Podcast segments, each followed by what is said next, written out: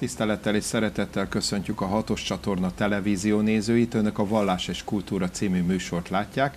Tisztelettel köszöntöm stúdió vendégünket, Izsák Norbertet, állandó szakértőnket, Szigeti Jenő tanárurat, és az európai vallásosságról beszélgetünk. Milyen az európai vallásosság látképe? Milyen betegségekkel küzd? Hát szerintem szokták mondani divatos most ez az értékválság. Én inkább azt mondanám, hogy a kereszténység vagy a hit tekintetében ilyen kreativitásválságot élünk meg, ahogy többen szokták mondani, nem dőlt el az a kérdés, hogy vajon azok, akik hívőnek tekintik magukat, szeretnének visszamenni abba az ideálisnak vélt új szövetségi korba, ahol minden stabilnak tűnik, és megnézni azt, hogy Isten hogyan szólt hozzánk 2000 évvel ezelőtt, vagy ugye van egy kicsit mondjuk úgy, hogy a progresszívebb vonal, amelyik, azt mondja, hogy most így a 21. században ki kellene találnunk, hogy a konkrét helyzetben, a konkrét körülmények között vajon hogyan szólít meg minket a Szentlélek, és mit lehet kezdeni ebben a világban. Én ebből nagyon keveset látok, és azt hiszem, hogy ez egy kreativitásválság okozta értékválság is ha az északi országrészek, Észak-Európát nézzük, akkor azt látjuk, hogy ott igencsak a kereszténység üres templomokkal találkozik. Vajon miért? Jenő. Hát ennek egy nagyon érdekes oka van szerintem, nem tudom, hogy mit szóltok hozzá. Az intézményességnek és a, a hitnek a, a dialektikus feszültsége mert én úgy szoktam mondani, hitnek és a vallásnak a dialektikus feszültsége. A hit az egy egzisztenciális dolog, hogy én és az Isten személyes. személyesen kapcsolatban vagyok. A vallás az pedig egy históriai, szociológiai valóság, hogy én ezt megélem valahogy a társadalomban.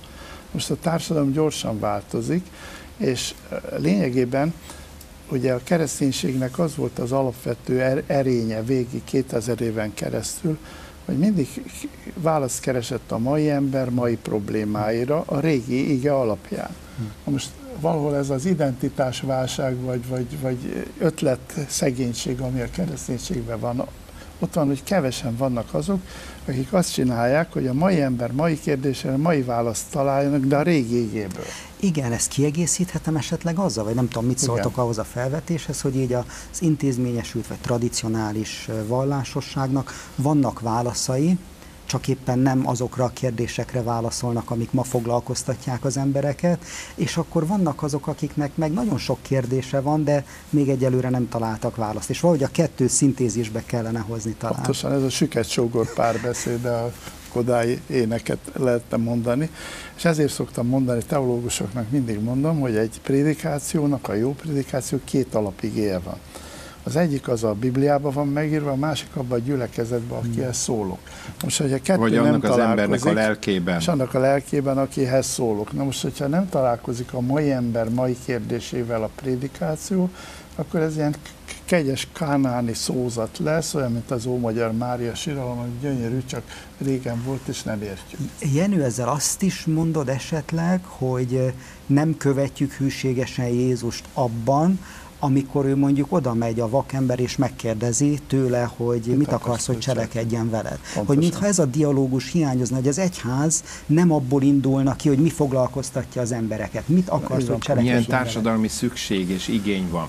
Na de minden egyház belesik egy, egy dologba. Szóval egy egyház kiépít egy intézményt, aminek a, a igazi feladata a tradíció védelme. Hmm. Tudnék, a tradíció az egy jó dolog, csak a tradicionalizmus rossz dolog. A tradíció az a régi emberek mai hitét, máig érő hite. Mert ebből élünk, nem? Hitből hitbe megy előre az evangélium. A tradicionalizmus, meg a mai ember nem találja meg a mai kérdésekre a választ, és visszamenekül a régi ember hitéhez. És a régi válaszokhoz. És a régi válaszokhoz, esetben. és a régi válaszokat fetisizálja. Uh-huh. Olyan lesz, mint egy fetis, amire, amire felnézünk, és azt mondjuk, hogy ez igen, mert hogyha én ezt megcsinálom akkor, ha azt megcsinálom akkor, akkor, akkor vagyok akkor hívő, és közben az életemben... És ez vezet a fundamentalizmushoz. Ez, ez a fundamentalizmus. Uh-huh. Hadd kérdezzem azt, Norbert, hogy van-e különbség katolikus és protestáns egyházak vallásossága között ma Európában? Tehát mondhatjuk-e, hogy az egyik fejlődik, a másik nem? Mondhatjuk-e, hogy mind a kettő válságban van? Szóval hogyan tudjuk diagnosztizálni akár a protestánst, akár a katolikust, ugyanazokkal a kihívásokkal, ugyanazokkal a problémákkal küzd mind a két irányzat, felekezet? Nagyon-nagyon izgalmas kérdés szerintem, és azt hiszem, hogy mindegyikben protestáns oldalon és katolikus oldalon is megvan ez a szomszédkertje mindig zöldebb Igen. effektus. Tehát azt hiszem, hogy protestánsok irigylik azt Rómától, hogy látszólag van egy erős centrum. Ha azonban katolikus testvérekkel beszélget az ember, ez nagyon látszólagos centrum. Tehát Ferenc pápa kap hideget és meleget, tehát szép lehet, de okos nem. Vagy az egyik oldal, vagy a másik oldal kritizálja. Ez általában így van a pápaságnál. Ha valaki nagyon liberális. Mi ezt a protestánsoknál megszoktuk, hiszen Luthertól ez egy örökség, hogy erősen kritizálunk és protestálunk, mindig kell protestálni, ettől vagyunk jobb, nyakas protestánsok. Ez igaz, viszont talán de ez egy új, szempont, de ez egy új szempont a katolikusoknál. Hmm. Ö, valószínűleg igen, de hát már a 60-as évektől kezdve, akik a második vatikáni zsinatot túl liberálisnak, vagy túl elhajlónak, engedékenynek találták, megalakították a, megalakították a saját tradicionalista köreiket. Egy ilyen katolikus ellenzéket? Igen, vissza ők kisebbségben vannak? zsinathoz. Azt gondolom, hogy igen, de hát, hogy most az egy milliárd vagy mennyi katolikus közül hol van többség, hol van kisebbség, ezt nagyon nehéz szerintem még maguknak a katolikusoknak is megítélni. Uh-huh. Ugyanilyen tradicionista körök vannak a protestantizmusban, és újra és újra lehet látni, hogy ugyanígy... Bár ott egy ilyen erős centrum, talán azt gondolom, hogy a protestáns egyházak autonóbbnak tűnnek ebből a szempontból. De az az érdekes, hogy egy ilyen kis közösség kialakul, akkor mindig kell bele egy pápa. Tehát e, ez, ez a kis közösségeknek a, a nagy-nagy tragédiája. Vagy egy, vagy egy vezető. Én a vezetőt mondtam pápának, aki, aki megmondja a tutitna, hogy pestiesen mondja, jön, jön mindig. Tehát itt van, a, itt van a másik oldala ennek. Tehát e, tudom én katolikusba is le lehetne játszani, volt egy bulányi, a Bulányi volt a, a, a, a tuti. Az ellenzék. A Bulányi mozgalom a Bulányi nélkül nincsen. Mert, mert, mert ugye nem, nem arról volt szó, hogy most itt összeállnak közös gondolkodás emberek, és abszolút demokratikusan elintézik a dolgokat. Ez nem, nem így működik ott sem. Bulányi nem... mozgalomról beszélhetünk most Bulányi halála után? Azt hiszem nem, én nem tudok róla. Van, tehát létezik Van. még. Létezik De már még. nem olyan átütő erő, mint annak idején kezdetben, korábbiakban. Belesimult. Én azt hiszem például egy szerzetes rend sokkal inkább egyénibb, mint, mint ezek a mozgalmak. Egyéniben mit értesz? Hát azt jelenti, hogy, hogy például egy Ferencest és egy jezsuitát azért nem lehet összekeverni. Ja, ja, ja. ja. Uh-huh. Jellegzetes. Uh-huh. Jellegzetes lelkiséget követnek. Uh-huh. Uh-huh. Nem tudom, szerintem a kihívások ugyanazok mind a két környezetben. Én azt csodálom mindig, hogy amikor éppen elkönyvelni a társadalom, hogy ilyen vagy olyan a katolikus egyház, történik valami, és kiderül, hogy mégsem olyan. Más is kap benne helyet. Senki nem számított Ferenc pápára, senki nem számított annak idején a Fokolára, vagy a Szent Egyed közösség felbukkanására, és hogy mindig képes, van annyi tartalék, hogy újra-újra ilyen búvópatak szerűen megújuljon, és hozzon valami frissességet. Más kérdés, hogy ezt lehet, hogy sokan nem vesszük észre éppen, mert nem arra van nyitva a szemünk. És mi van a protestánsokkal? Hát, mi, mi valahogy nem nézi. simulunk úgy bele a maga protestáns mi voltunkba, nem elégszünk meg? Szóval nálunk egy-egy ilyen megújulás inkább azt jelenti, hogy egy új egyház alapul meg, egy új felekezet. Uh-huh. Hogy hát, látod? Azt hiszem, hogy tehát, hogyha a katolikus egyházat hajlamosak néhányan monolitikus tömként látni, és mint egy prizmán megtörik rajta fénytörésszerűen, és nagyon-nagyon színes. A protestáns egyházaknál meg se szabad próbálni azt mondani, hogy itt egy kalap alá vesszük, én nem tudom, az, még azt is lehetne mondani, hogy az evangéliumi hívőket, vagy evangelikálokat, akkor a nagyon kálvinista reformátusokat, akkor a nagyon liberális amerikai luteránusokat mondjuk, akkor a karizmatikus kis gyülekezeteket, tehát annyira színes, hogy borzasztó nehéz azt hiszem, hogy valamilyen irányt megjelölni, vagy mit gondolsz róla, Jenő? Ugyanígy gondolom. Pontosan. És olyan hogyan tovább? Itt lesz aztán egy kisimulás? Mert most úgy nézem, minthogyha mint hogyha hogy olyan kócos lenne a protestantizmusban minden, és aztán majd a Jóisten fog egy fésült, és akkor megfésüli, vagy szóval me, merre, vajon merre tovább? Mit lát a mai kutató, mit lát? Hiszen te sokat valamit? foglalkozol ezzel a témával. Hozzátettek valamit? Mikor nem volt így a, vil- a világtörténet, az kereszténység történetével? Csak a történetírók az úgy szépen kisimítják. Igen, van az a szép kép, hogy az egyház történet az olyan az egyháznak a története, mint egy nagy fali szőnyeg, ami csodálatos, de azt az oldalát egyedül Isten látja. Mi a hátsó oldalát látjuk, csak ahol ilyen keszekusza fonatok és fonalak vannak, és mi azt gondoljuk, hogy ebből és ebből levonhatunk valamilyen következtetés, és nem biztos. Lehet, hogy el kell telnie néhány évtizednek, évszázadnak, évezrednek hogy mit hoz a jövő. Talán a protestánsok abban különböznek, a, legalábbis itt Európában, és itt Közép-Európában különösen a katolikusoktól, hogy van egy nagyobb hajlamunk a fundamentalizmusra, egy nagyon leegyszerűsítő világképre. Amikor a fundamentalizmus történetét tanulmányoztam, az mindig eh, számomra ilyen megdöbbentő volt, hogy minden egyes adott történelmi korszakot apokalipszisként eh, írtak le a kortársak, a legnagyobb igehirdetők, Jonathan Edwards-től kezdve George Whitfielden át, én nem tudom, időnként még Billy Grahamig is, bezárólag Minden évszázad egyfajta apokaliptikus értelmezésként és az jelent utolsó meg, idő. ugye? Az 1500, az 1700, aztán a 2000, emlékszem, hogy 2000-ben is ez, ez Hát hogy ez ne, de ha azt veszük, hogy az amerikai polgárháború idején, vagy a függetlenségi háború idején olyan apokaliptikus terminusokban vitatkoztak egymással, hogy az angolok jönnek, az antikrisztus országa beköszönt, meg kell, hogy mondjam, és nem akarok aktuál politizálni, de az Egyesült Államokban mindegyes választások előtt ez most a döntő küzdelem. Most fog elválni a sötétség a világosságtól, és folyamatos feszültségben tartjuk a híveket, mert azt gondoljuk, hogy ez kell ahhoz, hogy mi igazi keresztények legyünk, ez a folytonos stressz. Nincs egy ilyen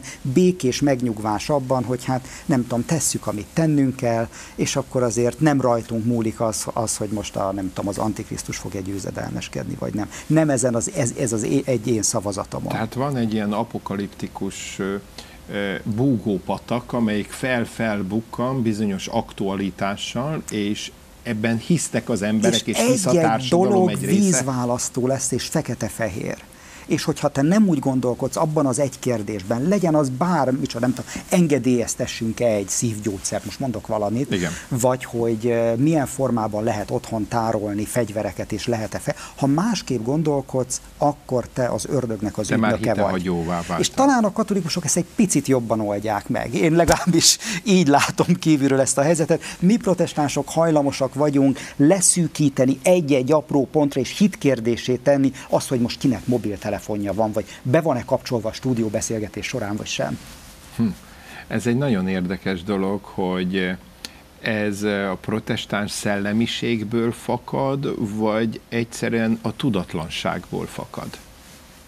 Vagy mind a kettő ez egyszerre? Nehéz, nehéz, mind a kettő belejátszik, de van egy másik szempont is. A katolikus egyház avval, hogy egyetemes, ezért úgy eloszlanak a feszültségek. A protestantizmus az nagyon sok ágú, és minden protestáns családnak megvannak a külön problémái. És igazából független, nincs egy közös szervezet, amely egyensúlyba tudna tartani. egy nagyon érdekes dolgot. Ugye, hogyha azt mondod, hogy Magyar Református Egyház és amerikai református egyház, a között óriási különbség van egész, nem biztos, hogy ez hitvallási különbség, de mentalitásban óriási különbség van. Ezért van az, hogy újabban az egyház történetben, amit én is szeretnék művelni, rövid és eseménytelen életem során, az az, hogy a kereszténység történetét nem csak intézmény történetnek kell felfogni, és nem csak eszme történetnek kell felfogni, hanem mentalitás történetnek is. Tehát, hogy hogy éli meg a hitét mondjuk egy református Amerikába, és hogy éli meg egy hitét mondjuk egy erdélyi református, és hogy éli meg egy magyarországi református a hitét. Ezek között különbség van. Most a katolikus egyház az, az jobban, jobban tudja ezt az umbrellát, ezt az esernyőt tartani, és, talán... és kitalált valamit a történelem során, ez a szerzetes rendek és lelkiségi mozgalmaknak a dolga. Szóval, ha összehasonlítod és ezzel a katolikus... nagyon sok feszültséget le tud vezetni, ugye? Pontosan. Összehasonlítod a katolikus lelkiségi mozgalmakat, akkor óriási különbség van, sokkal nagyobb különbség, mint a protestantizmus és katolicizmus között, a katolikus egyházon belül. És talán a tradíciódról kezdtük el, meg a vallásosságról a beszélgetést, onnan indultunk, hogy ez előnye lehet a katolikus egyháznak, hogy van egy nagyobb figyelem arra, hogy mik a tradícióink, mit írtak az egyházatják, mit mondtak az eleink, mit mondott a korábbi pápa, az azt megelőző pápa, és így tovább. Én emlékszem arra, hogy George... Tamás vélekedése az most rendkívül, hogy hogyan hogyan vélekedett annak idején Tamás, ez hogyan lehet a tamási gondolatot a mai egyházban foganatosítani? Akár, de a protestantizmusban, különösen az ébredési lelkiségi jellegű protestantizmusban, hogyha gondolunk mondjuk George Whitfieldre, aki John Wesley-vel pont a az üdvösség kérdésén, a predestináció kérdésén veszett össze, és így megkérdezték tőle, hogy hát akkor mióta vallja Calvin tanait. És megkérdezték, ki az a Calvin? Ő egy sort nem olvasott Calvintól, ő hitte azt, hogy mindent a Jóistentől kapott kinyilatkoztatás formájában. Tehát nálunk még akkor is bármilyen meggyőződésünk lehet, fontos az, hogy ezt én kaptam a Jóistentől, emiatt aztán lehetnek ilyen profitikus, ilyen-olyan elhajlások, mert hogy az nem szentírás, amit az egyházatják megírtak, és az valahogy így degradáljuk, nem vesszük annyira figyelembe. Talán. Fundamentalizmus, egy kicsit térjünk oda-vissza. Fundamentalizmus, akkor értelmezhető Luther egyfajta fundamentalista megjelenésnek? Hmm, mondj erről többet, hogy, hogy gondolod? Tehát nagyon keményen aztán ugye életének a vége fele keményen ostorozza a katolikus egyházat, aha, pápát, stb. Az egész luteri dolog egy parasztlázadásba megy át. Nagyon sokan meghalnak. Lutert rosszra használják föl. Luther ebből próbál kifarolni, visszalépni. Szóval ha az egészet most nézzük, mint egy nagy izmust, mint uh-huh. egy mhm. nagy hullám, lehet, hogy egy, egy pozitív fundamentalizmusként értelmezhető? Egyáltalán a, a fundamentalizmusnak van pozitív oldala? Hmm. Nem, én azt hiszem, hogy Luther más volt. Luther életében nem akart elszakadni a római katolikus egyháztól, és ha feltámadna Luther, és látna, hogy van luteránus egyház, életében visszaugrana a sírjába. Lehet, hogy be sem menne, ugye? A Luther a zsinatba hitt abba, hogy ez, amit mond, az a mai, meg kell tisztítani az egyházat. Na, nem csak ő mondta ezt, a reformációt nem Luther találta ki. Luther előtt évszázadokkal beszéltek reformációról, lényegében már a Konstanci zsinat is reformáció zsinatnak gyűlt össze. Bizony, igen. Tehát nem, nem, nem így volt, hanem ugye arról volt szó, hogy van a tradíciót őrző társaság, és Luther kiközösíti ez a tradíciót tradíciós társaság, és Luther éppen, hogy inkább, ha azt mondanám, Luther inkább liberális volt, uh-huh. mondjuk a tradicionalista katolikus nézethez uh-huh. képest. Ez, ez biztos, hogy így van. Én azzal egészíteném talán ki, hogy és a Luther előtt, az egészen más. más. Az, az, az talán más, igen. Hogy Luther előtt senki nem gondolt a reformok során dogmatikai reformra mindenki arra gondolt, hogy az erkölcsi életet kellene megreformálni. A papok legyenek egy kicsit okosabbak, legyenek egy kicsit erkölcsösebbek, kicsit kevesebb hatalma legyen a pápának, kicsit kevesebbet szóljon bele a császár a különböző dolgokba, vagy a, a választófejedelmek, választófejedelmek stb. stb. De arra, hogy itt a hitünkkel lehet valami baj, senki nem gondolt. Senki. És azt hiszem ez egy, ez egy fontos gondolat az egész reformációban, és talán ez tanulság így 501 évvel később a reformáció ünnepe után, hogy érdemes lenne megnézni nagyítóval a hitünket, hogy amit mi tovább hozunk, ilyen-olyan tradícióként, akár annak a tradíciójaként, hogy nem figyelünk a saját tradícióinkra, hmm. mit lehet tanulni, mit lehet ebből, ebből megújulni, mert azt hiszem, hogy így jöhetnek be olyan új hangsúlyok, amikre esetleg még Luther sem gondolt 1517-ig. Ez azért érdekes, mert azok a tradíciók, amikről elindultak protestáns egyházak, vajon még élnek a protestáns hmm. egyházakban? Hmm. A Vető Lajos, annak idején még Viszkok Lajos néven, még valakor a 30-es években, a doktori értekezését arról írta, a hitáltali megigazolás az egyszerű evangélikus hívek gondolkodásában. Ez 34-ben meg is jelent Kecskeméten ez a könyvformájában. Az az érdekes, hogy végigkérdezi egész pontos szociológiai módszerekkel a gyülekezetek tagjait, és kiderül, hogy alig tudnak valamit arról, amit, amit Luther, ami, amire Luther elindult. Hát és vetült megkérdező, hogy egyszerűen evangélikusok, a mostani evangélikusok, vagyis luteránusok, a mostani luteránusok? Ez, ez ennek a kérdésnek, amit mondtál, a másik oldal. Hmm. Köszönöm. Fundamentalizmus. A kereszténységtől függetlenül beszélhetünk egyfajta fundamentalizmusról. Akár az iszlám fundamentalizmus, akár politikai fundamentalizmus. Van valamilyen hatása az európai kereszténységre a tőle függetlenül kialakult fundamentalizmusnak? Mm. Tehát van valamilyen hatása magára a keresztény gondolkodásra? Akár az iszlám fundamentalizmusnak, hogy, hogy fundamentalizmusra fundamentalizmussal válaszolunk? Biztos, hogy lehet Kutya szőrét hatások, a harapással. Hatások és ellenhatások. Én két oldalról közelíteném meg. Egyrészt az a szó, hogy fundamentalizmus, ez egy keresztény találmány. Aha.